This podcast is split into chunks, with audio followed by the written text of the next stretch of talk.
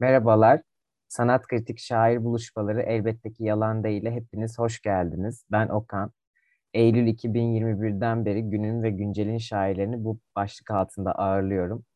Bu arada günün ve güncelin e, derken sevgili kurucularımızdan Seval Şahin'e de bir selam göndermiş olayım. İlk konuğum Elvin Eroğlu'ydu. Ardından e, Mihrap Aydın'ı çağırmıştım. Eski kayıtlarımıza hem YouTube e, hesabımızdan hem de e, Spotify'dan erişebilirsiniz. Bugün de konuğum e, şiirini çok sevdiğim, e, yaşıtları arasında farklı bir yerde konumlandırdığım, ne yazsa okumak istediğim e, Cengizhan Genç. E, hoş geldin Cengizhan. Merhaba, hoş bulduk Okan. Teşekkür ederim güzel iltifatların için. Nasılsın? İyiyim. Ee, sen nasılsın? Her şey yolunda İyiyim, mı? ben de çok iyiyim. Çok sağ ol. Burada olmaktan çok mutluyum. Bana yer verdiğiniz için çok teşekkür ederim Sanat Kritik'le. Biz teşekkür ederiz esas kırmayıp geldiğin için. Ee, öncelikle seni tanımayanlar yahut e, şimdi tanışanlar için e, kısaca bir biyografini e, okumak istiyorum. Cengiz Han Genç 1992 yılında Sakarya'da dünyaya geldi. Gazi Üniversitesi Fen Edebiyat Fakültesi Türk Dili ve Edebiyatı bölümünü bitirdi. 2018'de Üstelik Sarışın adlı ilk şiir kitabı yayımlandı. Şiirleri daha önce Buz Dokuz, Dergah, Hece, Aşkar, Sincan İstasyonu, Sadece Şiir, Petroleus.com başta olmak üzere çeşitli dergilerde e, yayımlandı. Tabi bugün e, Cengiz Han'ın ikinci şiir kitabını İtak etiketiyle yayımlanan Hangi Hayvanlar isimli şiir kitabını konuşmak üzere e, buradayız. Ama izni olursa hazır ikinci baskısını yapmışken e, ilk kitabı e, üstelik sarışını da anmak isterim elbette. E, ilk sorumla başlıyorum ben e, Cengiz Han hazırsak. Şimdi kitabın e, ithafı beni çok etkiledi. Luna ve Artemis'e çocukluğun e, o saf sevinciyle diye başlıyorsun söze. Tabi bu beni kendi çocukluğuma, kendi sevinçlerime de, saf sevinçlerime de götürüyor ister istemez ama biraz da korkutuyor. Ee, yani küçük de bir şerh düşüyorum aslında. Şimdi bu noktadan şiirle kurduğun o ilk bağı düşünmeni istiyorum. Yani saf sevinç bunun neresindeydi? Veya e, saf sevinçlerimizi kaybettiğimizde yazımıza, şiirimize sence ne olur? Şiir benim hayatıma çok sonradan girdi. Ben esasında resim yapıyordum e, ortaokul ve lise dönemimde. E, fakat çeşitli sebeplerden dolayı resim yapmayı bırakmak zorunda kaldım. Güzel sanatlar okumak istiyordum. Okuyamadım. Lisede güzel sanatlar okumak istiyordum. Okuyamadım ve bir boşluk oluştu hayatımda ve bu boşluğu bir şeyle doldurmam gerekiyordu yeniden. E, çocukluğumdan beri kitap okumayı çok fazla seven bir insandım. Ve bu kitap okuma sevgisinin sonucunda dönem dönem zaten yazdığım şeyler oluyordu ama e, ciddi olarak haşır neşir olduğumu söyleyemem yazma eylemiyle. Resim yapmayı bıraktıktan sonra o boşluğu doldurmak için daha çok yazmaya başladım. Daha çok okudum, daha çok hayal kurdum ve bu e, kurulan hayaller sonucu aslında burada da başarılı olabileceğimi fark ettim. Ve bu minvalde ilerlemeye çalıştım. E, çok acı bir şekilde bizim toplumumuzda şöyle bir şey var. E, eğer sanatın herhangi bir dalıyla ilgileniyorsanız ya da e, genele hitap etmeyen zevkleriniz varsa çocukluktan itibaren değişik olarak ne yazık ki nitelendiriliyorsunuz. Ben öyle değişik bir çocuktum. Etrafımdaki olaylara bakış açım her zaman çok daha farklıydı. Ve yaptığım işi e, severek yapmak istiyordum. Yani bir eylemde bulunuyorsam sevmeden hiçbir zaman eylemde bulunmak istemedim. Ve resim yaparken de böyleydi. Bana yeni bir dünya sunuyordu resim yapmak. Yazı yazarken de bu böyle oldu. Gerçekten içimden gelen saf bir sevinçle yazı yazmaya başladım. Bir de şiirin, edebiyatın yani genel olarak sanatın bize sunduğu çok büyük ve e, sınırları belli olmayan çok önemli bir alanı var. Bu alanda e, kendimi ifade etmek istedim açıkçası ve yaptığım işleri yani bu saf sevinci yaptığım bütün işe taşımak istedim. Eğer yaptığım işten haz almıyorsam, ortaya güzel bir şey koyduğumu düşünmüyorsam e, bu noktada eylemde bulunmayı çok sağlıklı bulmuyorum. Teşekkürler. Çok e, samimi bir e, yanıt oldu. aslında o saf sevinçle birlikte saf sevincin kendi yazımıza dönmesi ve o o yazıyla da beraber kendiliğimize bakmamız açısından samimi bir yanıttı. Ee, şimdi bu biraz daha hani kendi düşündüğüm sorulara da paslar atarak ilerlemeye çalışıyorum. Bu geri dönmek meselesi beni çok etkiliyor. Ee, bu hangi hayvanlarda yer alan şiirlerden birinde e, Balık Öpücüğü'nde şöyle bir dizem var. Artık geride dönülemez. Şimdi onu biraz açalım. Bunu öncelikle istiyorum. Yani her ne kadar bu şiirin e, anlatıcısı, e, daha doğrusu anlatıcı öznesi, geriye dönememek eyleminden bahsetse de genel anlamda işte bu bellekte kalanlarla dönüp e, orada aradıklarıyla da aslında ciddi bir savaşı var. E, şimdi soru aslında tam olarak bununla ilgili. Sence şiir geriye dönüldüğünde mi çekip çıkarılan bir şey o bellek havuzundan? Yoksa e, geri dönmediğimizde doğan yeni bir alan mı? Ya senin bakışını merak ediyorum bu anlamda. Az önce de dediğim gibi şiir bize çok büyük bir imkan sunuyor. Yani gerçekten sonsuz imkanı var. Ve ben bu imkanı olabildiğince en faydalı ve e, en tasarruflu şekilde kullanmaya çalışıyorum ziyan etmeden. Ee, ama şiir söz konusu olduğunda yani sanat söz konusu olduğunda bunun belli kalıpları olduğuna inanmıyorum. Yani şiir şöyle yazılır, şiir böyle yapılır ya da şiir bellekte birikenlerin dışa vurulmasıdır ya da şiir e, bizi çok bunaltan ve kurtulmak istediğimiz şeylerin e, dışa vurularak aktarımıdır diye böyle çok net ayrımlarım yok. Mesela benim ikinci kitapta Taceddin diye bir şiirim var. Taceddin benim vefat eden amcam ve ben ortaokuldayken amcam vefat etmişti. O artık benim sadece anılarımdaydı. Ee, ve anılarımdan yola çıkarak mesela o şiiri yazdım. Yani geçmişe dönerek yazdım ama İbrahim Üstelik Sarışın'da yer alan şiirim. Ee, hala hayatta olan ve e, artık barışmam ve affetmem gereken bir olguydu. Bu affetme sonucu, barışma sonucu artık ondan bunu yük etmek istemedim kendime. Ve bundan birazcık da kurtulmak için mesela İbrahim şiirini yazdım. Hani şiirin sadece geçmişe yönelik duygulardan ya da geleceğe dönük e, kurtulmak istediğimiz duygulardan yola çıkılarak yazıldığını düşünmüyorum ben.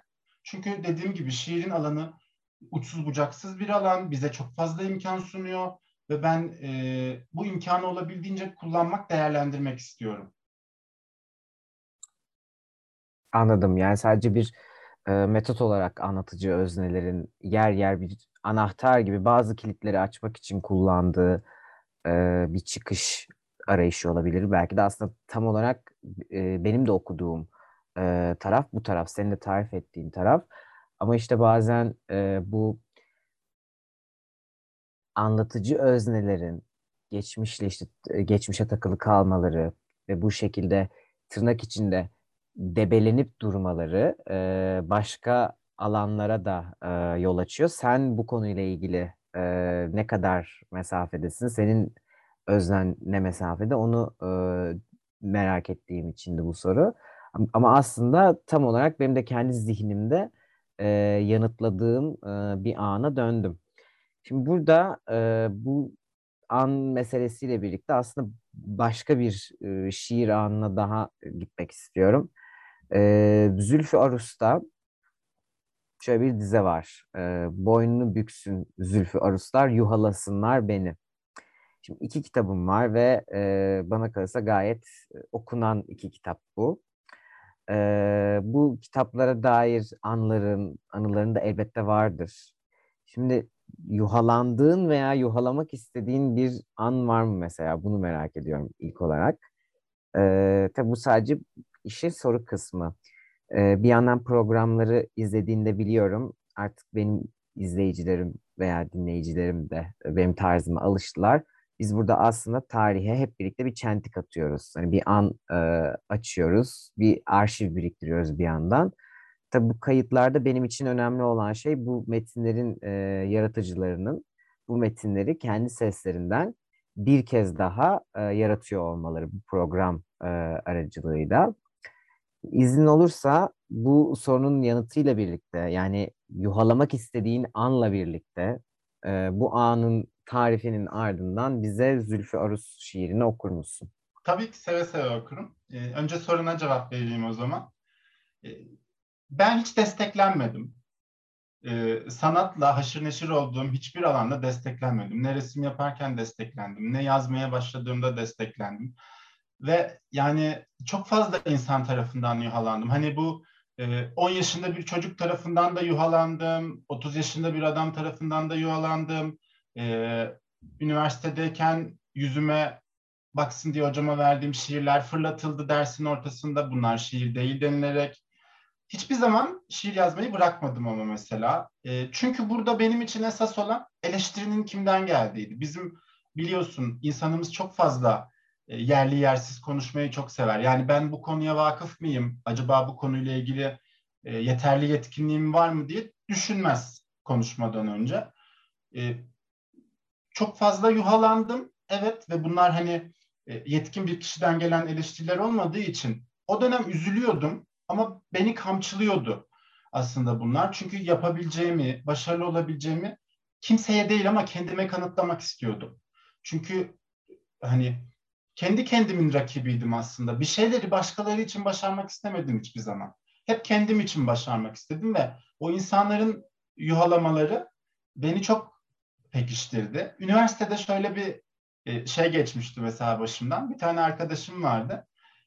Zaten ben edebiyat fakültesi mezunuyum e, biliyorsun. Sınıf arkadaşlarım zaten e, yazdıklarımı başarılı bulmuyorlardı. Sanki kendileri böyle çok şaheserler ortaya koyuyorlarmış gibi.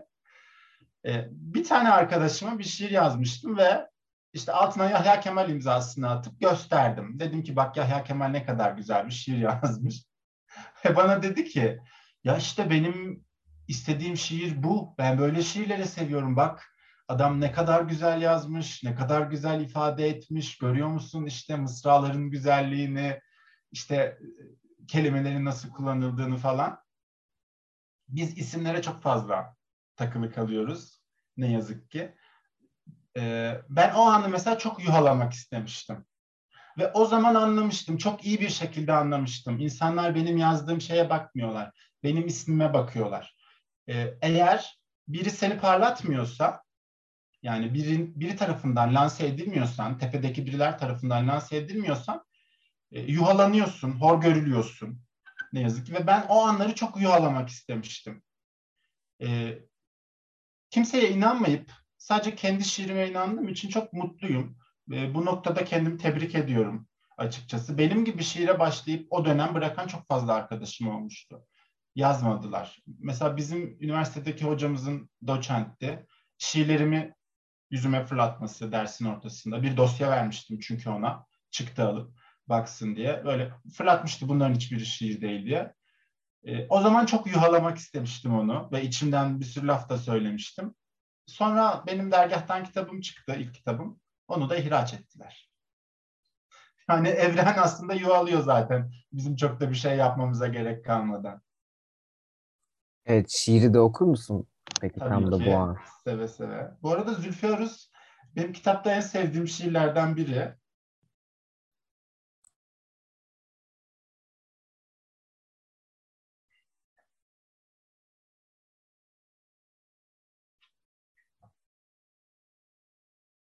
Zülfü Arus. Kim bilebilir tüm yenilgilerinden dönen o savaşçının kalbinde ne sakladığını? Sakınsan korkak, adım atsan cüretkar derler. Açık yarasızlar da kapalısının yalnız adı mı var? Göğsün ışıl ışıl da olsa zaferlerinden, ilk hatanda geleceğine hayret ederler. Kar yağsa üşürler, güneş çıksa bunalır. Masaya koyulan lokma eksikse kimse el uzatmaz tamamlamak için. Yemeniler çekmecelerde hiç kırışmamış, kırılmamış tek bir bardak, silinmemiş rüzgara yıllarca direnen kum salkımları. Derler ki çok biliyorsan az konuş. Söz çünkü cıva gibidir. Tek damlası bile zehirler. Ari bir dağ adı sanırlar lale gülü çiçek. Her defterin başına namalup yazarlar. Yine de tüm yenilgilerinden döndüğünde bir bekleyenin varsa yenilmiş sayılmazsın pek. Yeminli değil sabırlıyım, yeminli değil sabırlı. Üzerime yıdılar tüm karmaşaları. Göğsüme kazıdılar, o bir yılandır. Dili ateş kusar, Çın çın eder kuyruğu çıngıraklı. Bilmiyorlar bana düşman olarak kendim yeterim. Vur emrimin karşısında büyük harflerle yazılı adım. Bana bir acı bağışladılar, ömrüme bir buz çağı. O kadar üşüdüm, o kadar üşüdüm ki yanmıyor çaktığım hiçbir kibrit. Ellerim hep kırağı. Bir kahramanın kalbi gibi çarpmıyorsa kalbim, çıkarsınlar göğsünden madalyalarımı. Boynunu büksün Zülfeoruslar, yuhalasınlar beni. Seni hatırlatıyor kılıcın ipekte bıraktığı. Teşekkürler. Hem ağzına hem kalemine sağlık. Tabii bu bir yandan çok da ilginç de bir deneyim oluyor. Neden? Sen fark ettin mi bilmiyorum ama Vur emrimin karşısına büyük harflerle yazılı ismim dizesini okurken sen adım dedin şu an. Ve bunu ben Mihrap Aydın'da da yaşadım. Ve şunu düşünüyorum ister bunun istemez. Bunun sebebi var aslında. Şimdi ben o şiirin o kısmını yazarken ismim deyince kafiyeli oluyor. Görünüş olarak çok güzel ama okurken adım diye okuyunca müzikaliteye daha çok hitap ediyor. Ve bazen şiiri okurken bilinçsiz yani istem dışı bir şekilde oraya adım demenin daha çok yakıştığını bildiğim için zihnim orayı adım diye okuyor. ismim diye evet. okumuyor. Ben bunun aynısını e, Mihrap Aydın'la evet, da yaşadım. Evet hatırlıyorum. Yani sanki okurken tekrar yazıyormuşsunuz gibi de düşünüyorum e, bir yandan. O yüzden de çok farklı bir açıklık alanı e, yaratıyorsunuz. Teşekkür ederim. Ya yani ben bunları asla hata olarak görmüyorum veya e, başka bir mesele olarak değerlendirmiyorum. Her metin her okunduğunda tekrar e, yazılır e, bana kalırsa. Bu biraz da onun e, yansıması gibi. Şimdi e, bir başka metninden daha konuşmak istiyorum e, ve kitaba adını veren metin bu. Hangi hayvanlar? E, bence gerçekten kitabın içinde çok farklı bir e, yeri var. Senin edebiyatında da başka bir e, basamağı işaret ediyormuş gibi e, hissediyorum. Öncelikle bir okur olarak, ardından bir e, edebiyatçı olarak elbette.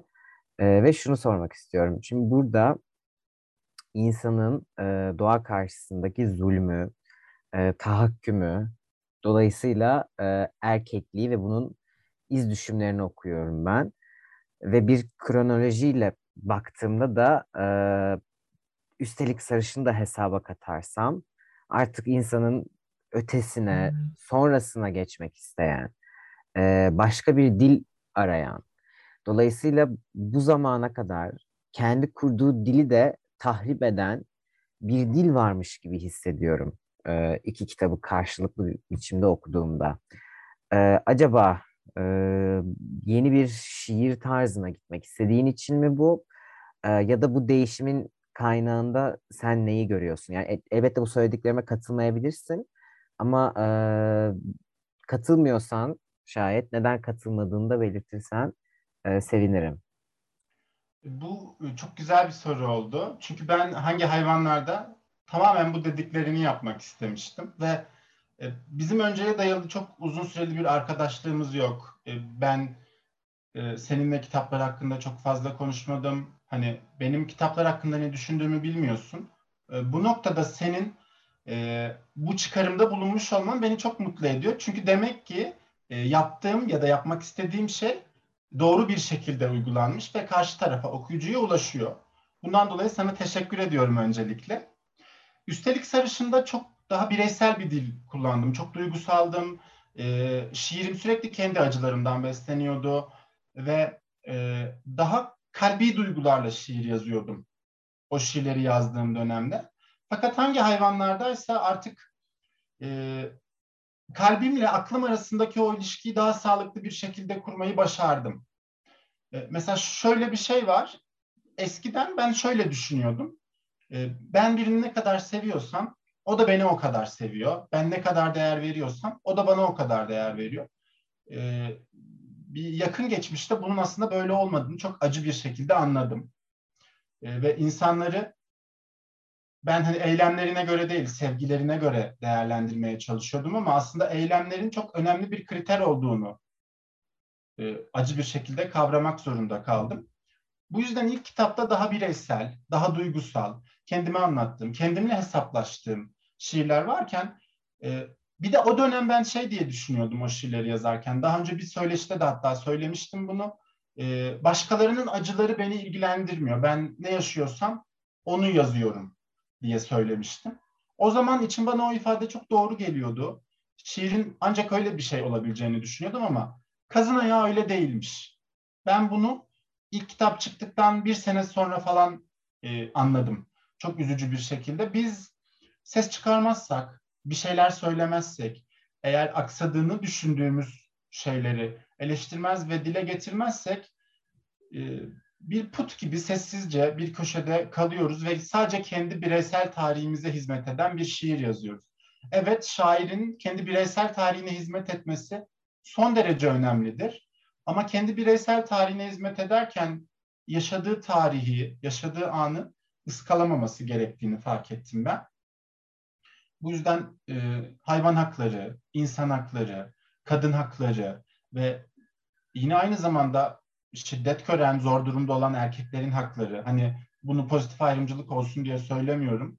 E, kadın ve erkeğin eşit şartlar altında eşit haklara sahip olması gerektiğini düşünüyorum. Yani bir zulme uğrayan, bir haksızlığa uğrayan varsa e, onun cinsiyetine bakmaksızın ya da ne olduğuna bakmaksızın bu bir eşya da olabilir, bir nesne de olabilir. Yani durduk yere mesela eğer e, bir masa kırılıyorsa, bir bina yıkılıyorsa ortada hiçbir sebep yokken buna da karşı çıkılması gerektiğini düşünüyorum ben.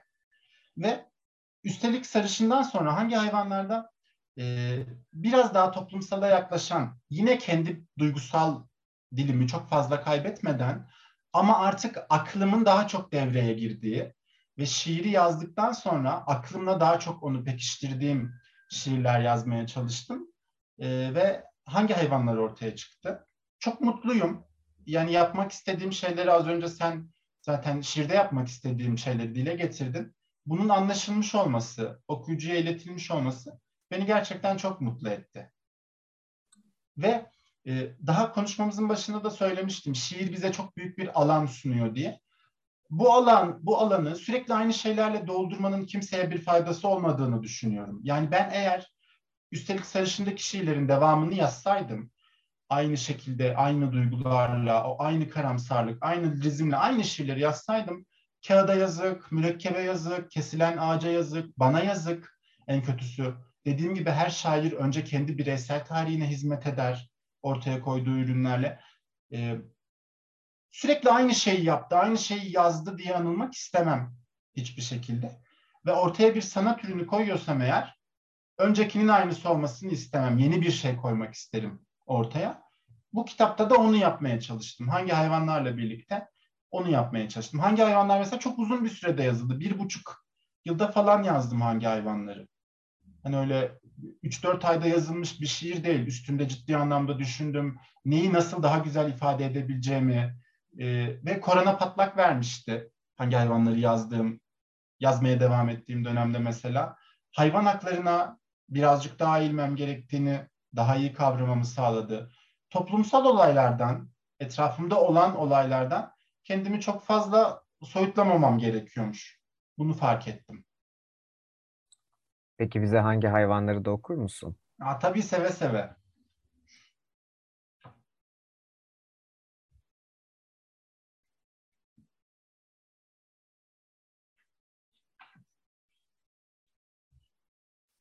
Hangi hayvanlar?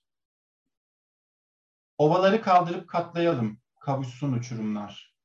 Kaldıralım hudutları topyekün. Çıkaralım namluları oyuklardan.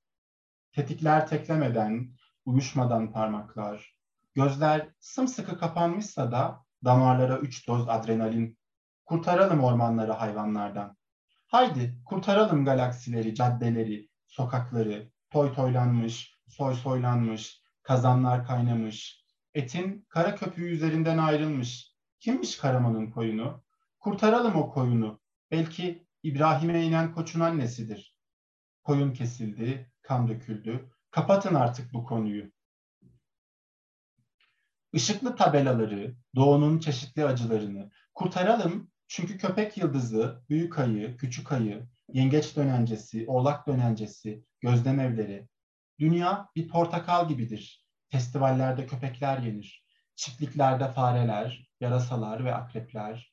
Kurtaralım Sahra çölünün kumları kadar. kurtaralım hepsini. Kertenkeleler, iguanalar, fennekler.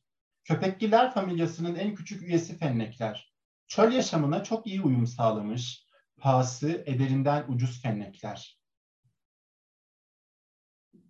Çölde bir fennek öldüğünde kimse kürküne uzanmaz. Yarım adalarda bir tilki öldüğünde avcılar ayaklarından ve kuyruğundan çeşitli tılsımlar yapar. Postunu yüzer, sırtlarını asarlar. Yarım adalarda bir tilki öldüğünde kürk çok değerli bir şeye dönüşür. Yazlar, kışlara yenilmek üzeredir. Bir fennek daha öldü işte. Kürkü kirli bir şey artık onun. Kimse el uzatmaz ona. Yalnız et yiyen solucanlar, leş yiyen akbabalar, içer onun kanını çatlamış kumsallar. Ne yapalım o masumu? Kiminle aynı hizaya koyalım? Acıdır onun dengi. Ölüm, yüksek surlarından sığ yamaçlarına hayatın bir anda inmeye başlar. Kurtaralım ormanları hayvanlardan. Her ölümün ardından hayatta kalan çünkü bir kahraman gibi yaftalanır. Bir kahraman gibi kendine inanır. Bir kahraman gibi kılıcını kınından çıkarır. Bir kahraman gibi herkes payına düşeni alır.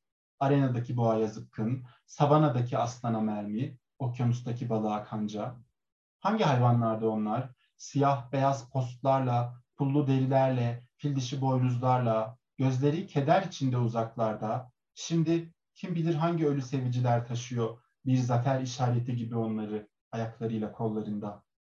Hangi hayvanlardı duvarları süsleyen, hangi hayvanlardı demir parmaklıklar ardında çocuklarla konuşan, boyun büken, kirpiklerini eğen, camdan hapishanelerinde hangi hayvanlardı trenler dursun diye bekleyen? Trenler durmadı, içlerinde kıymetli madenler, trenler durmadı, içlerinde kıymetli ay taşları, trenler durmadı, içlerinde kıymetli fosiller, dinozor kemikleri, gergedan boynuzları, yılan ve timsah derileri, ornitorenk istifleri. Trenler kalktı ve bile bakmadan arkalarına, bir yangından kaçar gibi bir bahçeyi boydan boya talan etmiş. Artık tam olmayacak hiçbir şey. Ağaçlar ıssız, sular bomboş. Yaprakları kemiren önceden neydi, şimdi ne? Termitler, kıymete vaki bulunmayan eşek arıları, değersiz diğer böcekler, peygamber develeri, kız böcekleri, hamam böcekleri, bok böcekleri ve dallarda rubus collecto. İnsanların hepsini, hepsini ama hepsini bıraksınlar bırakabilirlerse ayaklarıyla bir yılanın aynı hizaya. Çeşitli kazılar sonucu elde edilen meteor kalıntıları antik mezarların yerlerini de saptadı.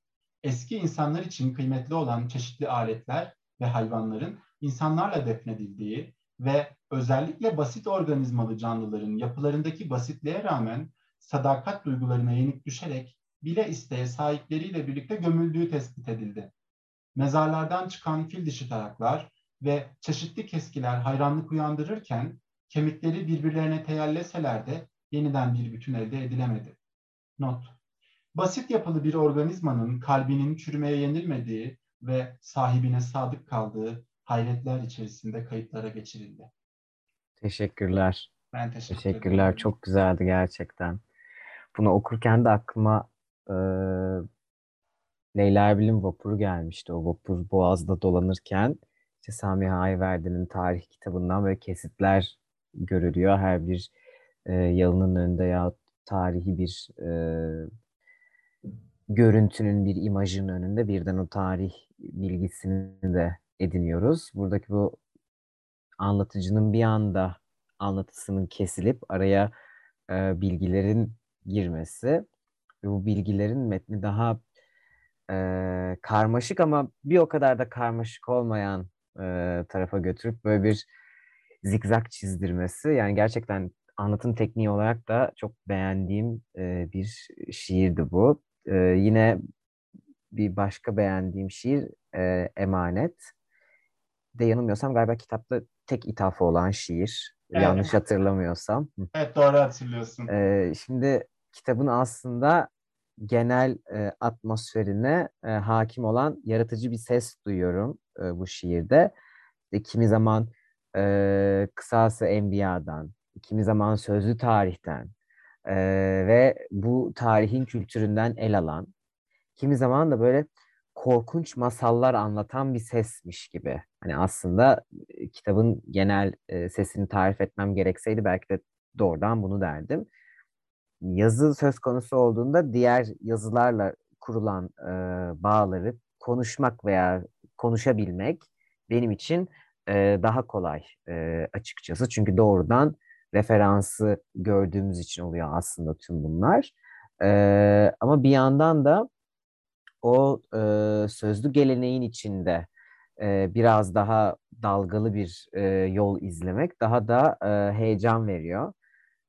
Senin kitabını okurken aslında bunu yaşadım ben. Yani e, dilden dile, nesilden nesile taşınan e, masallar, e, söylenceler, fantastik anlatılar vesaire. Yani biraz bunları konuşalım mı?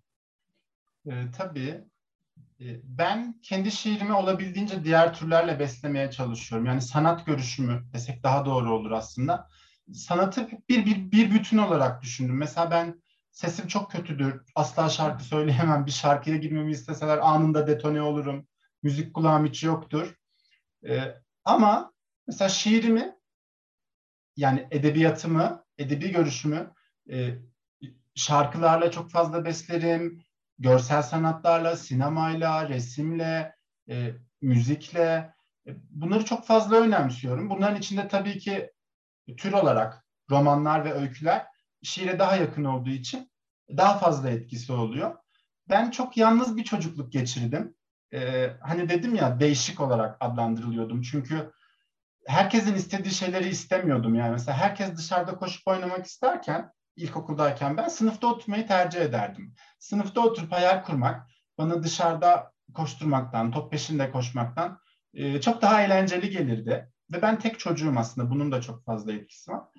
E, bir fantastik dünya kurdum kendime. Okuduğum şeylerle, izlediğim çizgi filmlerle, animasyon filmleriyle birlikte. Bunlar ister istemez benim şiirimi çok fazla beslediler. Yani fantastik edebiyatı gerçekten çok fazla seviyorum. Hani benim şiirlerimi okuyan insanlar benim fantastik edebiyata böyle ilgim olduğunu öğrendiğinde bayağı şaşırıyorlar. Hani nasıl yani diyorlar bu kadar e, duygusal ve ciddi şeyler yazabilirken nasıl böyle bir düşüncen olabiliyor diye. İkisinin dengesini iyi kurduğumu düşünüyorum. Yani fantastik olandaki her şey olduğu gibi şiirime alıp entegre etmeye çalışsam ortaya vasat bir şey çıkacağının farkındayım. Ama ben şiir yazarken de zaten e, şöyle bir metot kullanıyorum. Deneyimlemek, okumak, okumak, deneyimlemek, bunları biriktirmek zihnimde ve daha sonra üzerinden belirli bir zaman geçtikten sonra bunu damıtarak şiire aktarmak. Yani olduğu gibi hani şöyle yani bu biraz yemek yapmak gibi patatesi olduğu gibi kabuğuyla tencereye atıp mercimeğe, soğanı hepsine koyarsak yine çorba olur ama nasıl bir şey olur? Hani onun özüne ulaşmadığımız için kötü bir şey ortaya çıkar. Ben de diğer sanat türlerinden bilhassa fantastik türlerden etkileniyorum ve bunları kendi içimde damıtarak şiirime aktarmaya, şiirime entegre etmeye çalışıyorum. E, mutluyum ve bu kitapta dediğin gibi e, daha bu korkunç, masalsı, daha böyle e, sözlü kültüre dayanan bir dil var. Bunun sebebi de işte şu. İlk kitapta çok daha duygusaldım, e, çok daha bireyseldim, topluma çok fazla yönelmemiştim ama ikinci kitabımda hangi hayvanlarda artık o kabuğu kırdığım için etrafımda olanlara, etrafımda gelişenleri çünkü biz aslında çok büyük bir sözlü kültürün içine doğuyoruz. Yani e, şiirimiz sözlü kültürle başlıyor bizim. Destanlarla, sagularla, koşuklarla bunlarla başlıyor. Ve bu sözlü kültür e, yıllar boyunca bizim şiirimize hizmet etmeye devam ediyor. Belki şu an biz eskisi gibi e, halk edebiyatıyla yani günümüz şairleri, modern şiir yazan şairler belki halk edebiyatıyla çok fazla ilgilenmiyorlar ama günümüz modern şiirinin temelleri aslında halk edebiyatından geliyor. Yani bir Yunus Emre olmasaydı ne kadar Türk şiirinden bahsedebiliriz? Çok büyük bir sac ayağı eksik kalırdı yani Türk şiirinin. Ben öyle düşünüyorum. Ve bunların hepsini bir bütün olarak ele aldığım için e, etkilenmelere son derece açığım. Sözlü kültürden de, yazılı kültürden de, sinemadan, görsel sanatlardan, müzikten, resimden e, hepsinden olabildiğince bir şeyler kazanmak ve şiirimi bu yolda geliştirmeye çalışmak istiyorum. E, şu masalı da bir seslendirelim mi öyleyse? Emanet şiirini. E, emanetin şöyle bir e, hikayesi var. Ben e, zabıt katibi olarak görev yapıyorum adliyede. İlk görevlerim İstanbul ve İstanbul Emanet'te çalışıyordum. E, ithaf, şiiri ithaf ettiğim kişi oradaki benim çalışma arkadaşlarımdan biri ve hala görüşürüz.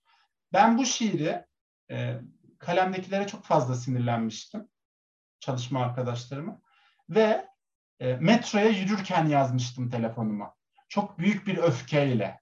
Hani bunun birazcık da böyle bir korkunç, hani senin deyiminle biraz korkunç, biraz masalsı bir anlatımının olmasının sebebi o. Hani e, kalbim bir tık daha ön plandaydı. Şiiri hemen okuyorum.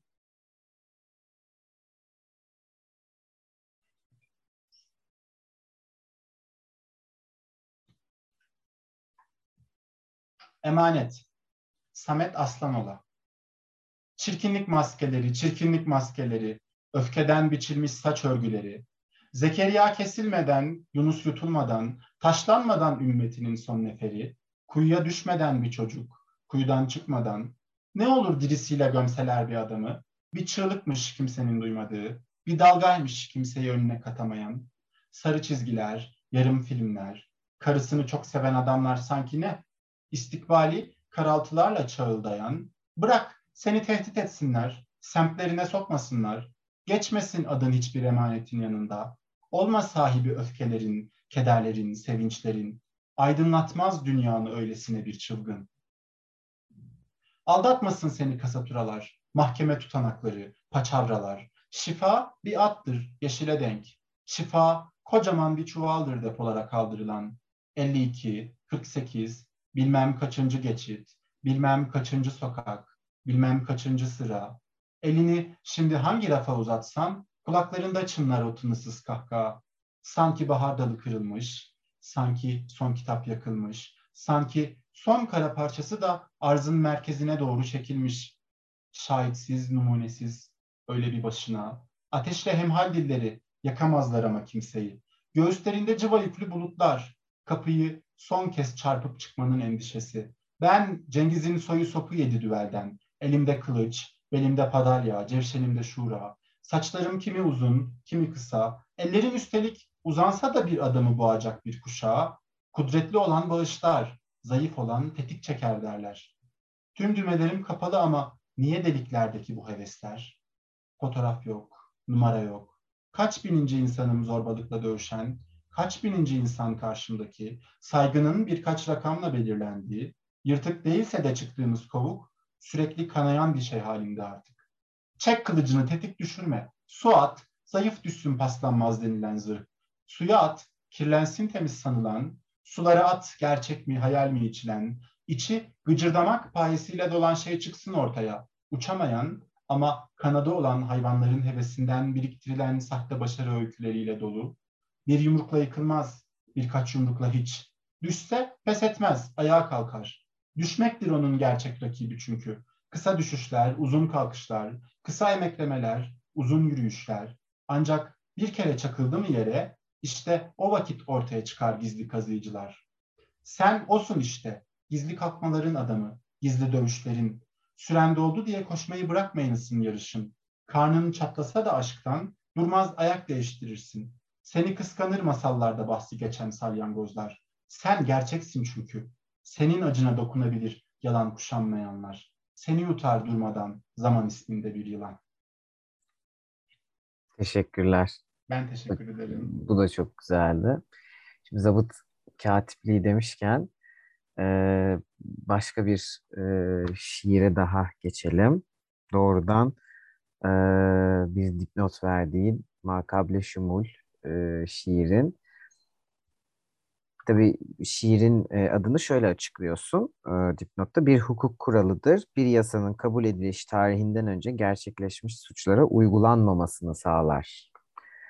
Şimdi ne zaman içinde yasa, dava, mahkeme, hakim geçen bir şiir okusam, daha doğrusu öyle bir dizi okusam aklıma Turgut Uyar'ın o meşhur dizeleri geliyor. Kim barıştırır senin dünyayla? Hangi sulh hukuk? Hangi uyuşmazlık mahkemesi? Ben bazen bu şiirin içinden çıkamıyorum. E, dolayısıyla bu çağrışımla birlikte e, hangi hayvanlarla yarattığın e, şiir dünyasını da düşünüyorum bir yandan. Kendi okuma deneyimlerimi de hatırlıyorum tekrar. E, şimdi önümde bir hangi hayvanlar var, bir dışarıdaki dünya var, bir de benim belleğimdekiler var ama bir de senin bunu yazarkenki halin var ister istemez. Sormak istediğim soru şu. E, sence şair dediğimiz e, varoluş e, dünyayla barışabilir mi?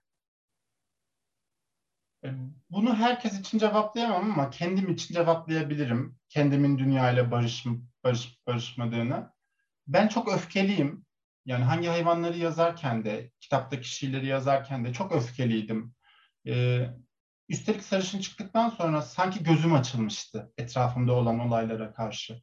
O e, bir umursamaz bir tavır içindeydim açıkçası o zamana kadar. Ve kitap çıktıktan sonra e, akıp gitmekte olan hayatın başkaları için çok e, acılar barındırabildiğini çok daha iyi fark ettim. Hani bunun farkındaydım zaten ama şöyle diyeyim. Hani bana dokunmayan yılan bin yıl yaşasın tarzı bir e, haleti ruhiye içindeydim. Ve kitap çıktıktan sonra yaşadığım bazı olaylardan da sonra bu beni çok fazla üzmeye başladı. Bu haksızlıklar, e, hayvanlara yapılan bütün bu zulümler, insanların uğradığı zulümler. E, yani şimdi kim bilir kaç bin ton yemek çöpe atılıyor bir günde ülkemizde. Bu çok zor olmamalı bunu sokak hayvanlarına ihtiyacı olan insanlara dağıtmayı başarmak. Hani e, koskoca bir devlet var sonuçta başımızda. Bunun organizasyonunun yapılıp e, sağlıklı bir şekilde kimseyi mağdur etmeyecek şekilde, israfa yol açmayacak şekilde bir planlamaya gidilebileceğini düşünüyorum. Bu hani en basit örneği aklıma gelen. Ve bunlar e, yapılmıyorken, hayat bu kadar aksi bir şekilde ilerlerken ben şu an e, düzenimi kurmuş e, bir hayat sürüyorum evet. Çok şükür ama düzenini kuramayan, e, geçim kaygısı taşıyan, sadece gününü kurtarmaya çalışan, biz artık e, orta gelirli insanlar olduğumuz için e, günümüzü kurtarma derdindeyiz. Hani evet belki çok fazla gelecek kaygısı taşımıyoruz ama derdimiz esasında günü kurtarmak. E, ve böyle bir derdim varken şair bence dünyayla barışmayı e, başaramaz diye düşünüyorum. Yani bu çok mümkün değil. Yani ben kendimle ilk kitaptan sonra, üstelik sarışından sonra kendimle barışmayı başardım ve e, etrafımdaki duygusal bağ kurduğum insanları affetmeyi de başardım. E, bana karşı olan davranışlarının farklı olmalarını kabul ettim. Onları yargılamayı bıraktım. Eyvallah dedim. E, ama bütün dünyayı düşündüğümde o kadar çok büyük bir kötülük var ki, dünyada bu kadar kötülük varken ne dünyayla ne de insanlarla barışmayı başaramıyorum çok üzücü bir şekilde ve bunun çok kolay başarılabilecek bir şey olduğunu zannetmiyorum. E, kaldı ki şu noktada eğer zaten dünyayla barışmayı başarabilseydim e, üstelik sarışını taklit ediyor olurdum. Yani üstelik sarışındaki kişilerin aynılarını yazıyor olurdum. Ortaya farklı bir şey koymazdım. Kendimi tekrar ederdim. E, kendimi gerçekten tekrar etmek istemem. E, onun için dünyayla barışmak bana çok mümkün gelmiyor ya böyle düşündükçe üzülüyorum yani gerçekten bu olanlar aklıma geldikçe dünyanın yani e, neden hala savaşlar var? Neden soğuk savaşlar yaşanıyor? Neden hala sınırlar var mesela? Ben anlamıyorum. Dünya bütün insanlara verilmiş bir nimetken ben e, neden sırf bir, bir yerden bir yere bir çit çekti, bir dikenli tel çekti diye oradan oraya geçemiyorum? Yani bunun mantıklı açıklaması ne? Bunu benim hafsalam almıyor açıkçası. Ve bu böyle olduğu için de ben dünyayla barışamıyorum. Ben e, bir, bir şiirimde şey diyorum ilk kitapta. istediği an uçabilen kuş mu adil diye. Hani e, hayvanlar için böyle bir sınırlar yokken biz insanlar olarak neden kendimize böyle sınırlar çizip kendimizi belirli kalıplar içine sokmuşuz? Niye yani bütün dünyayı eşit bir şekilde, mutlu bir şekilde e, yaşayamazken yaşayabilmek varken neden yaşamamayı tercih ediyoruz? Onun için dünyayla barışmam, e, özelinde insanla barışmam e, çok çok mümkün olmuyor. Yani mesela ben önceden dediğim gibi insanları yargılamazdım, oldukları gibi kabul ederdim ama son dönemde artık e, benim kötü günümde yanında değilse ben de karşımdakinin kötü gününde yanında olmuyorum. İyi günümde yanında değilse ben onu koştur koştur ilk ben tebrik etmeliyim, ilk ben kutlamalıyım, sevincini paylaşmalıyım diye e, bir duyguya bürünemiyorum ne yazık ki. Ve bunu insanlar, dünya, yaşadığımız toplum bu hale getirdi. Ben öncesinde böyle bir insan değildim. Böyle davranmak gerekiyor. Çok acı bir şekilde, üzücü bir şekilde ne yazık ki. Dünyayla barışamıyorum. İnsanlarla da barışamıyorum. Herhalde bir müddet daha da barışamayacağım. Çok samimi bir yanıttı yine. Teşekkür ederim. Ama bu yanıtı verirken e, hep ilk kitapla da bir takım bağlar kurduğun için ben de e, ilk kitapla ilgili aklımda kalan bir soru vardı. E, onu sormak istiyorum. E, benim üstelik sarışında en çok sevdiğim şiirlerden biri Ökçek e, Yükseler. E, orada da şöyle bir e, dize var. Buyurun siz gelin kavmime, coğrafyama devam ediyor. Şiir nasıl geçildiğimi, dile indirilmiş dillerimi. Bu benim için çok önemli bir ifade. Dile indirilmiş diller. Bu arada hangi hayvanları gösterdik? Üstelik sarışını da gösterelim. Ee, şimdi buradan yola çıkarak şunu sormak istiyorum. Burada önümde benim iki kitap var. Ee, ve ben e, bu kitapları okurken e, aralarındaki dil farkını, hatta diller farkını görüyorum, görebiliyorum. Ama bu farkın altındaki esas sebebi merak ediyorum. Yani birinde daha e, lirik, çoğunlukla tek bir sese dayanan, kendi benliğinden el alan, e, yalnız başına bir sesmiş gibi geliyor bana bu. Diğerinde ise daha çok katman, daha çok kültürlü, çok dilli e, sesleri duyuyorum. Hatta ilk kitap için ses derim ama hangi hayvanlar için ses diyemem bence. Sesler demem gerekiyormuş gibi düşünüyorum. Tabii burada e, senin şiir anlayışının değiştiğini söylemek benim için çok e, bu olayı, bu poetik değişimi açıklamak açısından kendi kendime kurduğum bir e, avantaj olur. Kendi kendime yakaladığım bir avantaj olur ve çok da basit olur bence. Yani bu, bu yanıyla kendime de bir şerh düşmem gerekir. E, ama sadece bununla ilgili olduğunu düşünmüyorum. Daha doğrusu bununla ilgili olduğunu düşünmüyorum. Yani dile bakışında, e, diğer yazılarla kurduğun ilişkilerde, dolayısıyla şiirle kurduğun ilişkilerde, coğrafyanla, toplumunla da yaşadığın süreçle de bir e, ilgisi olmalı. Bu dil değişikliğinin, bu dil e, farklılığının. Çünkü zamanı akarken neticede hiçbirimiz aynı kalmıyoruz. Metinler de aynı kalmıyor, yazma biçimleri de e, aynı kalmıyor ama sen bu e, ikisinin de şairi olarak yani hem hangi hayvanların hem üstelik sarışının şairi olarak bu değişimle ilgili ne söylemek istersin? Değişmediğini düşünüyorsan bunu da ifade edebilirsin elbette. E, tabii ki değişti ve bunun değişmiş olmasından memnunum. Yine daha önce dediğim gibi aynı şiir yazmaya devam etseydim bunun çok bir ne bana ne şiir tarihine ne Türk şiirine bir faydası olmazdı. Aynı şiiri yazmaya devam etmenin kimseye bir kazanç getirdiğini düşünmüyorum çünkü. E, artık ilk kitapta şey yani ilk şiir kitabında biraz daha değerli toplu olmak gerekiyor. Çok fazla böyle çok suya sabuna dokunmadan, çok fazla dağılmadan, e, konuyu çok fazla bölmeden bir değerli toplu halinde olursa kitap e, genç şair için de daha iyi oluyor. Ben de ilk kitapta zaten şiirleri seçerken benim 60'a yakın şiirim vardı mesela yayınlanmış. Ve bu şiirleri seçerken birbirine en yakın olanları, birbiriyle bir arada, bütünlüklü bir şekilde olabilecek olanları seçip bir araya getirdim. Ve dediğim gibi o dönem çok duygusaldım o şiirleri yazdığımda. Kendimle hesap, hep, kendimle çok fazla hesaplaşmam vardı. Bunların hiçbirinin içinden çıkamıyordum. Ee, çocukluğumu sorguluyordum, ilk gençliğimi sorguluyordum. Ee, bazen e, hiçbir suçum olmadığı halde suçlandığımda acaba nerede hata yaptım diye günlerce düşündüğüm oluyordu. E, bu benim kendimle hesaplaşma tarihimdi aslında üstelik sarışın. Kendimle hesaplaşmamdı. Hangi hayvanlardaysa artık aynı dili kullanmaya devam edemezdim. Çünkü aynı şiir yazsaydım bu bir ölü şiir olacaktı ve hani kim bir ölüyü masasına oturtur, yatağına sokar, onu dışarıya çıkarken yanına alıp gezdirir ki? bunu kimse yapmak istemez. Ben e, ölü ölü şiirler yazıp da insanların zihnini meşgul etmek istemem hiçbir şekilde. Çünkü bu kitap çıkıyor, okunuyor. insanlar buna belli bir okumak için mesai harcıyor. Yani aynı şiiri okumaktansa başka bir şiiri okuyup başka birine şans verebilir. Hani şu benim için önemli yani. İlk kitabı böyleydi ama acaba ikinci kitabında ne yaptı? Üçüncü kitabında ne yapacak? Nasıl bir şey düşünüyor? E, ve bu dil değişikliğini fark etmiş olmam, bu katmanlı yapıyı fark etmiş olmam e, gerçekten beni çok mutlu ediyor.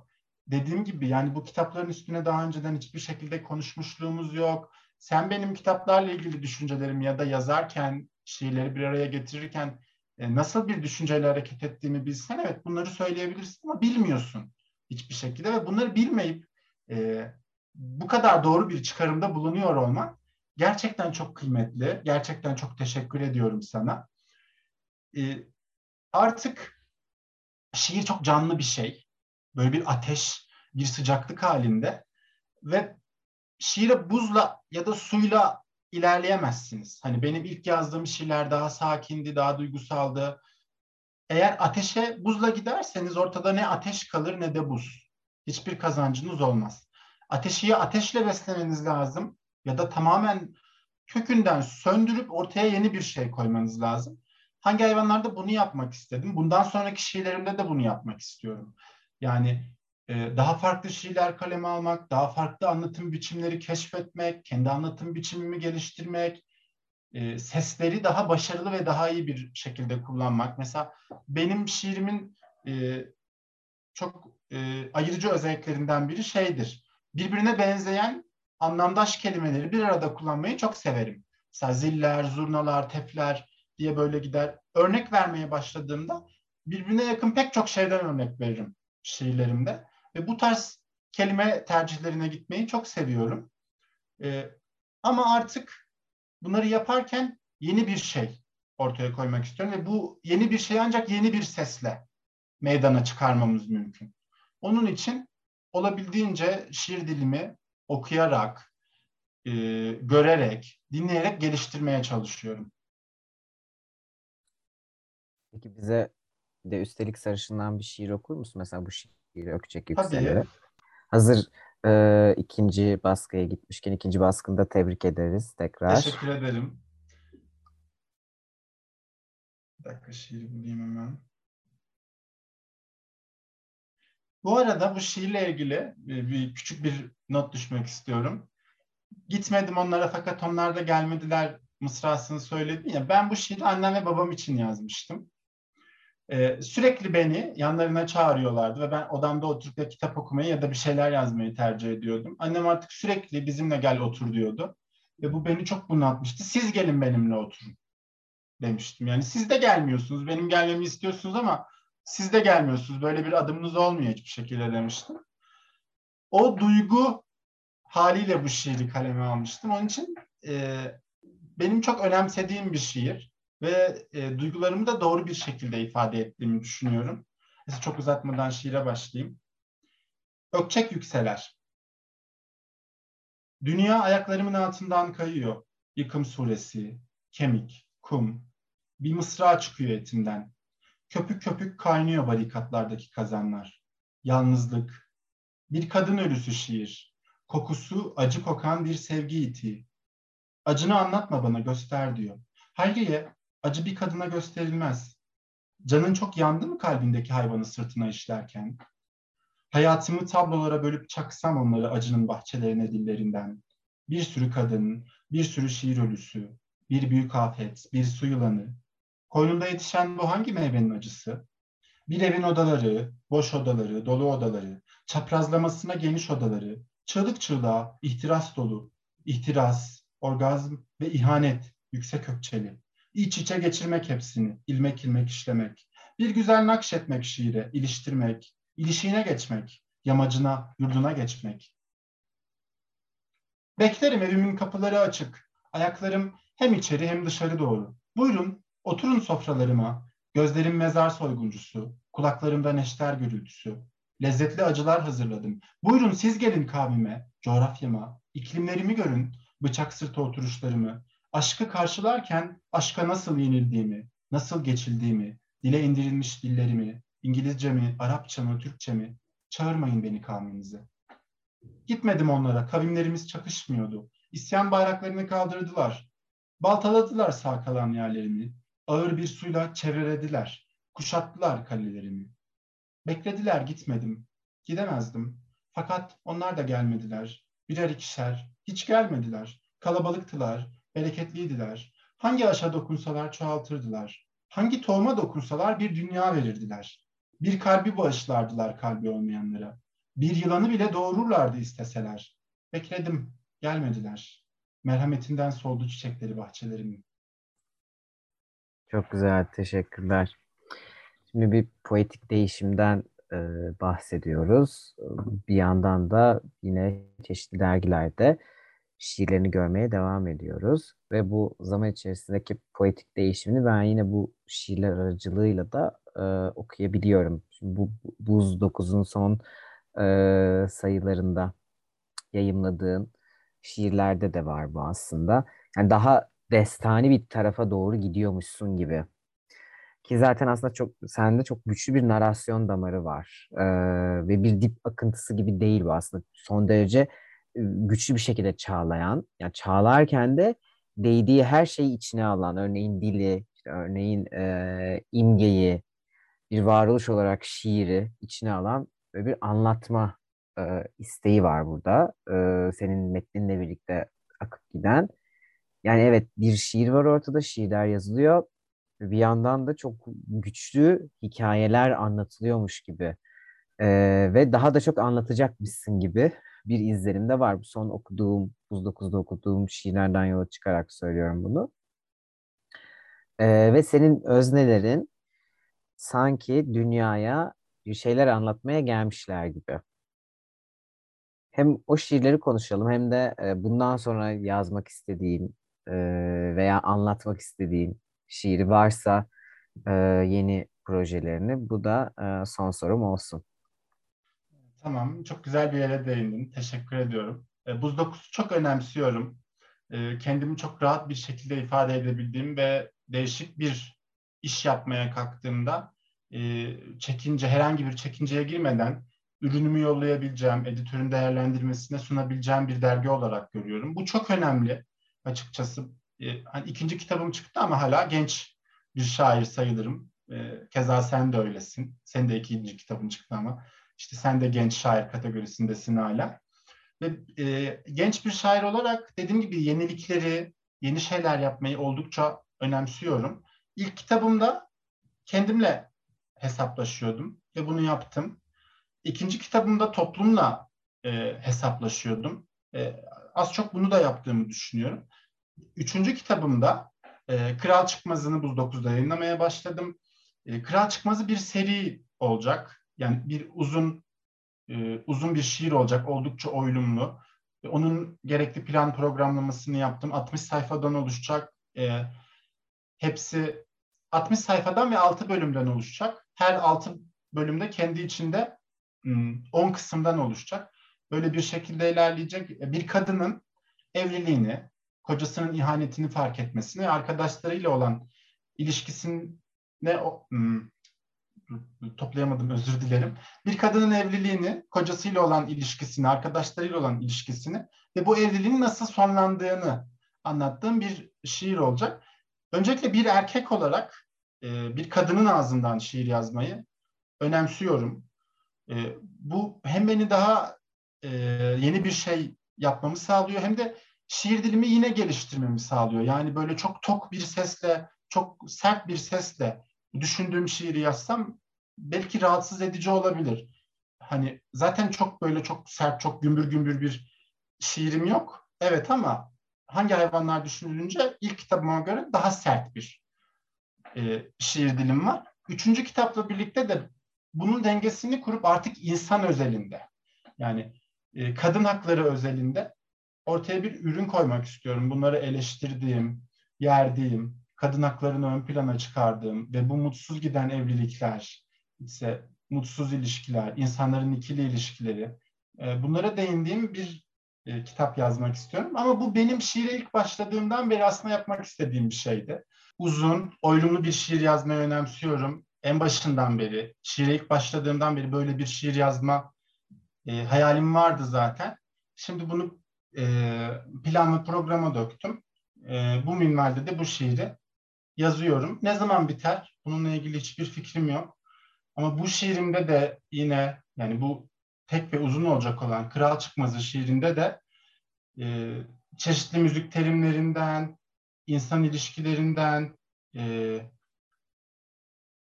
kadınların özeline inildiğinde onların kendi haleti ruhiyelerinden, insanlarla olan ilişkilerinden bahsetmek ve bunları kaleme almak istiyorum. Yeni bir şey yapma hevesim hiçbir zaman bitmiyor. Belki ikinci kitabımda mesela görsel bir şiirim vardı. Belki üçüncü kitabımda da görsel bir şiirim olur. Artık e, önceden çok e, kalple, duyguyla şiir yazan bir insan. Hani dedim ya onu artık dengeledim. E, kalbimin aklımdan önce hareket etmesine izin vermiyorum. Eskiden öyle değildim. E, şimdi yine kalbi bir şekilde düşünüyorum yazmak istediğim şeyi fakat bunu bir plan projeye döküp hayata geçirmeyi tercih ediyorum. Kral Çıkmaz'ı böyle bir e, proje şiir diyebilirim aslında. Benim hep yapmak istediğim ve hayata geçirdiğim bir şey. Mesela dördüncü kitap içinde aklımda başka bir şey var ama onu şimdi söylemeyeyim. Çünkü belki de gerçekleştirmeyebilirim. E, şu an söylemek çok erken olur. Şu an Kral Çıkmaz'ına odaklanmış durumdayım. Uzun, e, oylumlu, ben Ruhi Bey nasılım, e, çağrılmayan Yakup gibi uzun tek bir şiir olmasını istiyorum. Umarım muvaffak olurum. Umarım şiirle ilgili ne niyetin varsa seni bulur. Ee, çok güzel bir diyalog olduğunu düşünüyorum Cengiz Han. Yani hem sanat kritik adına hem kendi adıma hem e, dinleyicilerimiz, izleyicilerimiz ve okurlarımız adına da bir kez daha e, teşekkür etmek istiyorum. Sana iyi ki geldin, bizi kırmadın. Ben teşekkür ederim çağırdığınız için, e, vakit ayırdığınız için, programınızda yer verdiğiniz için. E, artık e, günümüzde her şeyin yani her şeyin ikili ilişkilere dayandığı günümüzde böyle şiire tarafsız bir pencereden bakıp yer veriyor olmanız o kadar kıymetli ve o kadar değerli ki. Burada seninle bu söyleşiyi gerçekleştirdiğim, şiir seslendirdiğim için gerçekten çok mutluyum. Çok teşekkür ederim. Ne güzel işte az önce de söyledim. Tarihe bir çentik attık. Umarım bir sonraki kitabında da tekrar e, bir araya e, geliriz. Tabii şurada söylemek istiyorum. Ben burada tek başıma otursam da sanat kritik kocaman bir aile ve bu ailenin birçok üyesi var. E, her bir e, üyemize tek tek e, teşekkür ederim e, bize bu imkanı e, verdikleri için. Evet bu ay yani Ocak 2022'de e, konuğum Cengiz Han Genç'ti. Cengiz Han Genç'in İtaki etiketiyle yayınlanan Hangi Hayvanlar isimli ikinci şiir kitabını konuştuk. Bir de e, ikinci baskıya henüz gitmiş olan Üstelik Sarışın'dan e, bahsettik. E, ben Okan, elbette ki yalan değil, sanat kritik şair buluşmalarına iki ayda bir olmak üzere e, devam edeceğim. Bir sonraki konuğumu e, Mart'ta e, ağırlayacağım. Bizi dinlediğiniz, izlediğiniz için teşekkür ederiz. Diğer programlarımıza da YouTube kanalımızdan, e, Spotify'dan ve yine internet sitemizden ulaşabilirsiniz. Mart'ta tekrar görüşmek üzere.